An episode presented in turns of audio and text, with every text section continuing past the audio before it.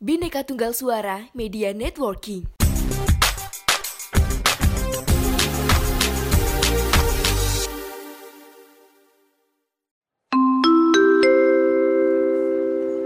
Mohon perhatian. Sekali lagi kami sampaikan, bikin podcast dengan Anchor dijamin gampang. Gak percaya? Langsung buktiin aja. Anchor, teman setia podcaster.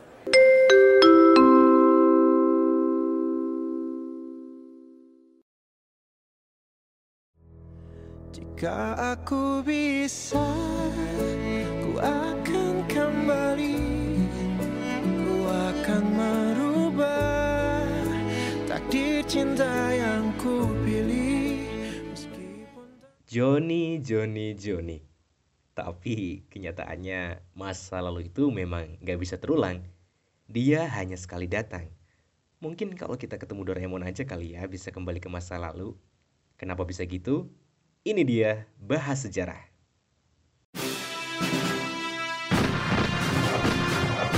Saya berbicara di sini sebagai penyambung lidah rakyat Indonesia.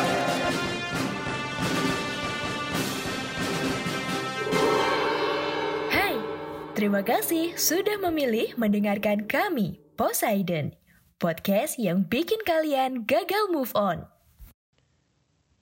Oke, mari kita sepakat bahwa Doraemon adalah tokoh fiktif yang dibuat oleh Fujiko F. Fujio itu nggak ada atau fiktif.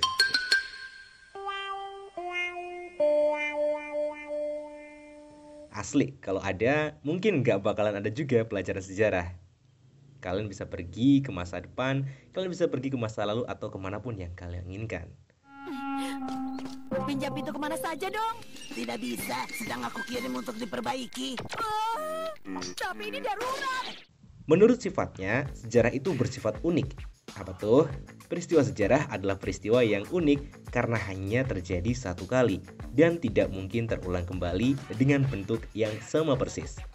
Setiap peristiwa sejarah akan berbeda dengan peristiwa sebelumnya, meski terkadang jenis peristiwanya sama, namun pelaku, tempat, dan waktunya pasti akan berbeda. Gampangnya gini deh, momennya mungkin bisa diulang, tapi rasanya beda, ya kan? Nih, kita kasih contoh tentang peristiwa sejarah yang sepertinya pernah terjadi di masa lalu tapi sekarang kejadian lagi.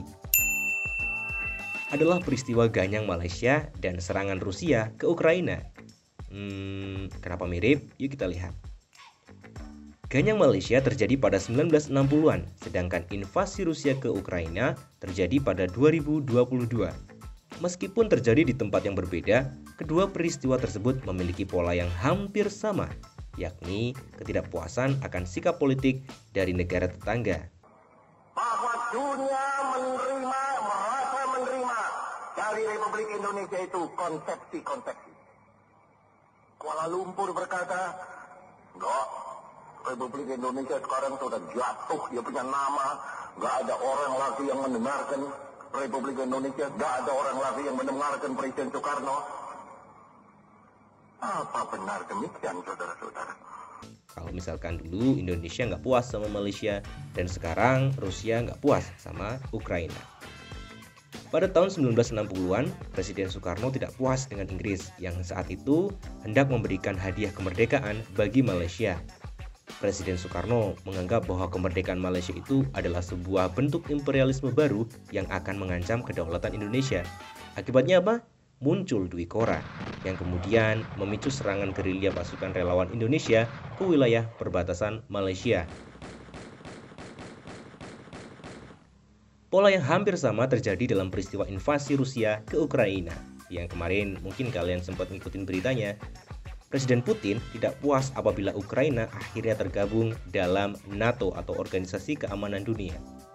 Presiden Putin menganggap bahwa apabila Ukraina bergabung dengan NATO, maka kedaulatan negara Rusia akan terancam.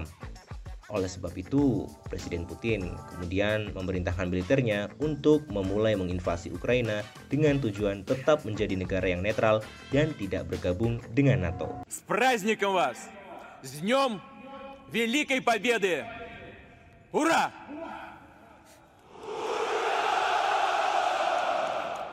Nah, Dapat nggak poinnya dari kedua contoh ini? Kedua contoh peristiwa tersebut membuktikan bahwa pengulangan sejarah hanya terjadi pada pola, waktu, dan tokoh yang berbeda. Jadi, ya waktu emang nggak bisa diputar balik gitu. Itu adalah poin pentingnya. Coba deh kita dengerin kata Sabit Azinar Ahmad, dosen jurusan sejarah UNES. Ada peristiwa yang mirip-mirip antara satu peristiwa dengan peristiwa yang lain. Apakah ini menandakan peristiwa sejarah itu berulang? Sebenarnya bukan peristiwanya yang berulang, tetapi pola dari peristiwa itu yang sepertinya berulang. Kita ambil contoh ketika ada seseorang yang kuat melawan seseorang yang lemah, dalam periode kapan pun maka kecenderungannya adalah yang kuat itu akan menang dengan yang lemah. Sebenarnya pola dari peristiwa sejarah atau sering disebut dengan gerak sejarah dibagi dalam beberapa pandangan. Satu, yaitu gerak lingkar sejarah. Pandangan ini menyatakan bahwa manusia, masyarakat, kebudayaan, bangsa, dan negara timbul dan tenggelam dalam urutan perulangan yang sama sifatnya, yakni menggambarkan proses kelahiran, pertumbuhan, perkembangan, penuaan, dan akhirnya kematian.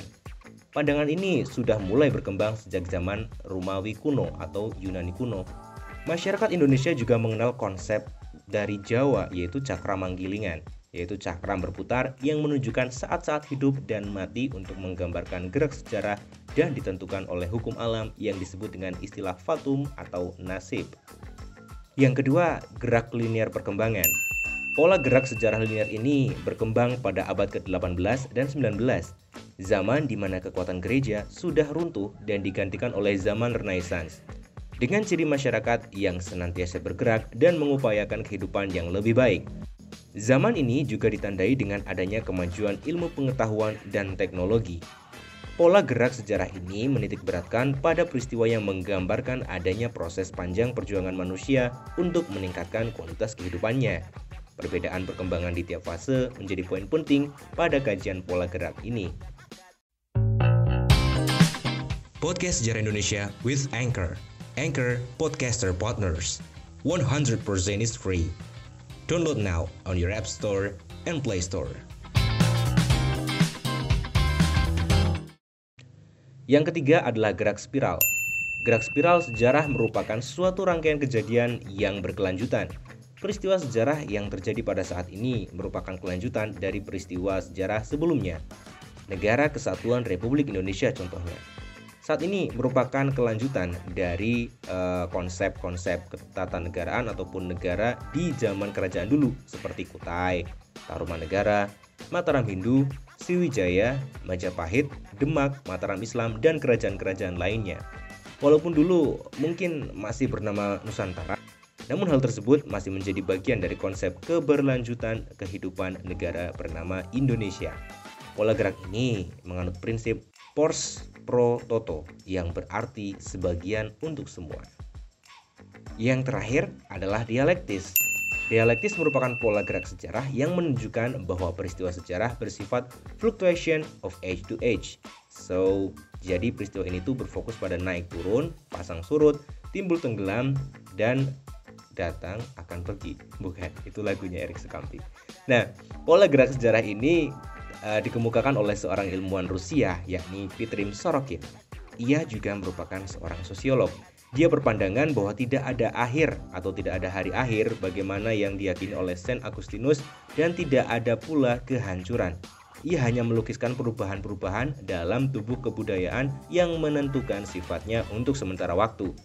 Dalam menafsirkan gerak sejarah, Sorkim tidak mencari pangkal dari gerak sejarah atau muara gerak sejarah, ia hanya melukiskan apa? Proses dan jalannya gerak sejarah. Oke sobat masa lalu, itu dia bahasan untuk menjawab rasa penasaran kalian. Hope you like it with this episode. Dengerin selalu bahas sejarah di podcast Sejarah Indonesia. Dan jangan lupa untuk dukung kami di Instagram dan juga berikan kritik dan saran di sana. Saya Taufik undur diri pamit. See ya. Terima kasih.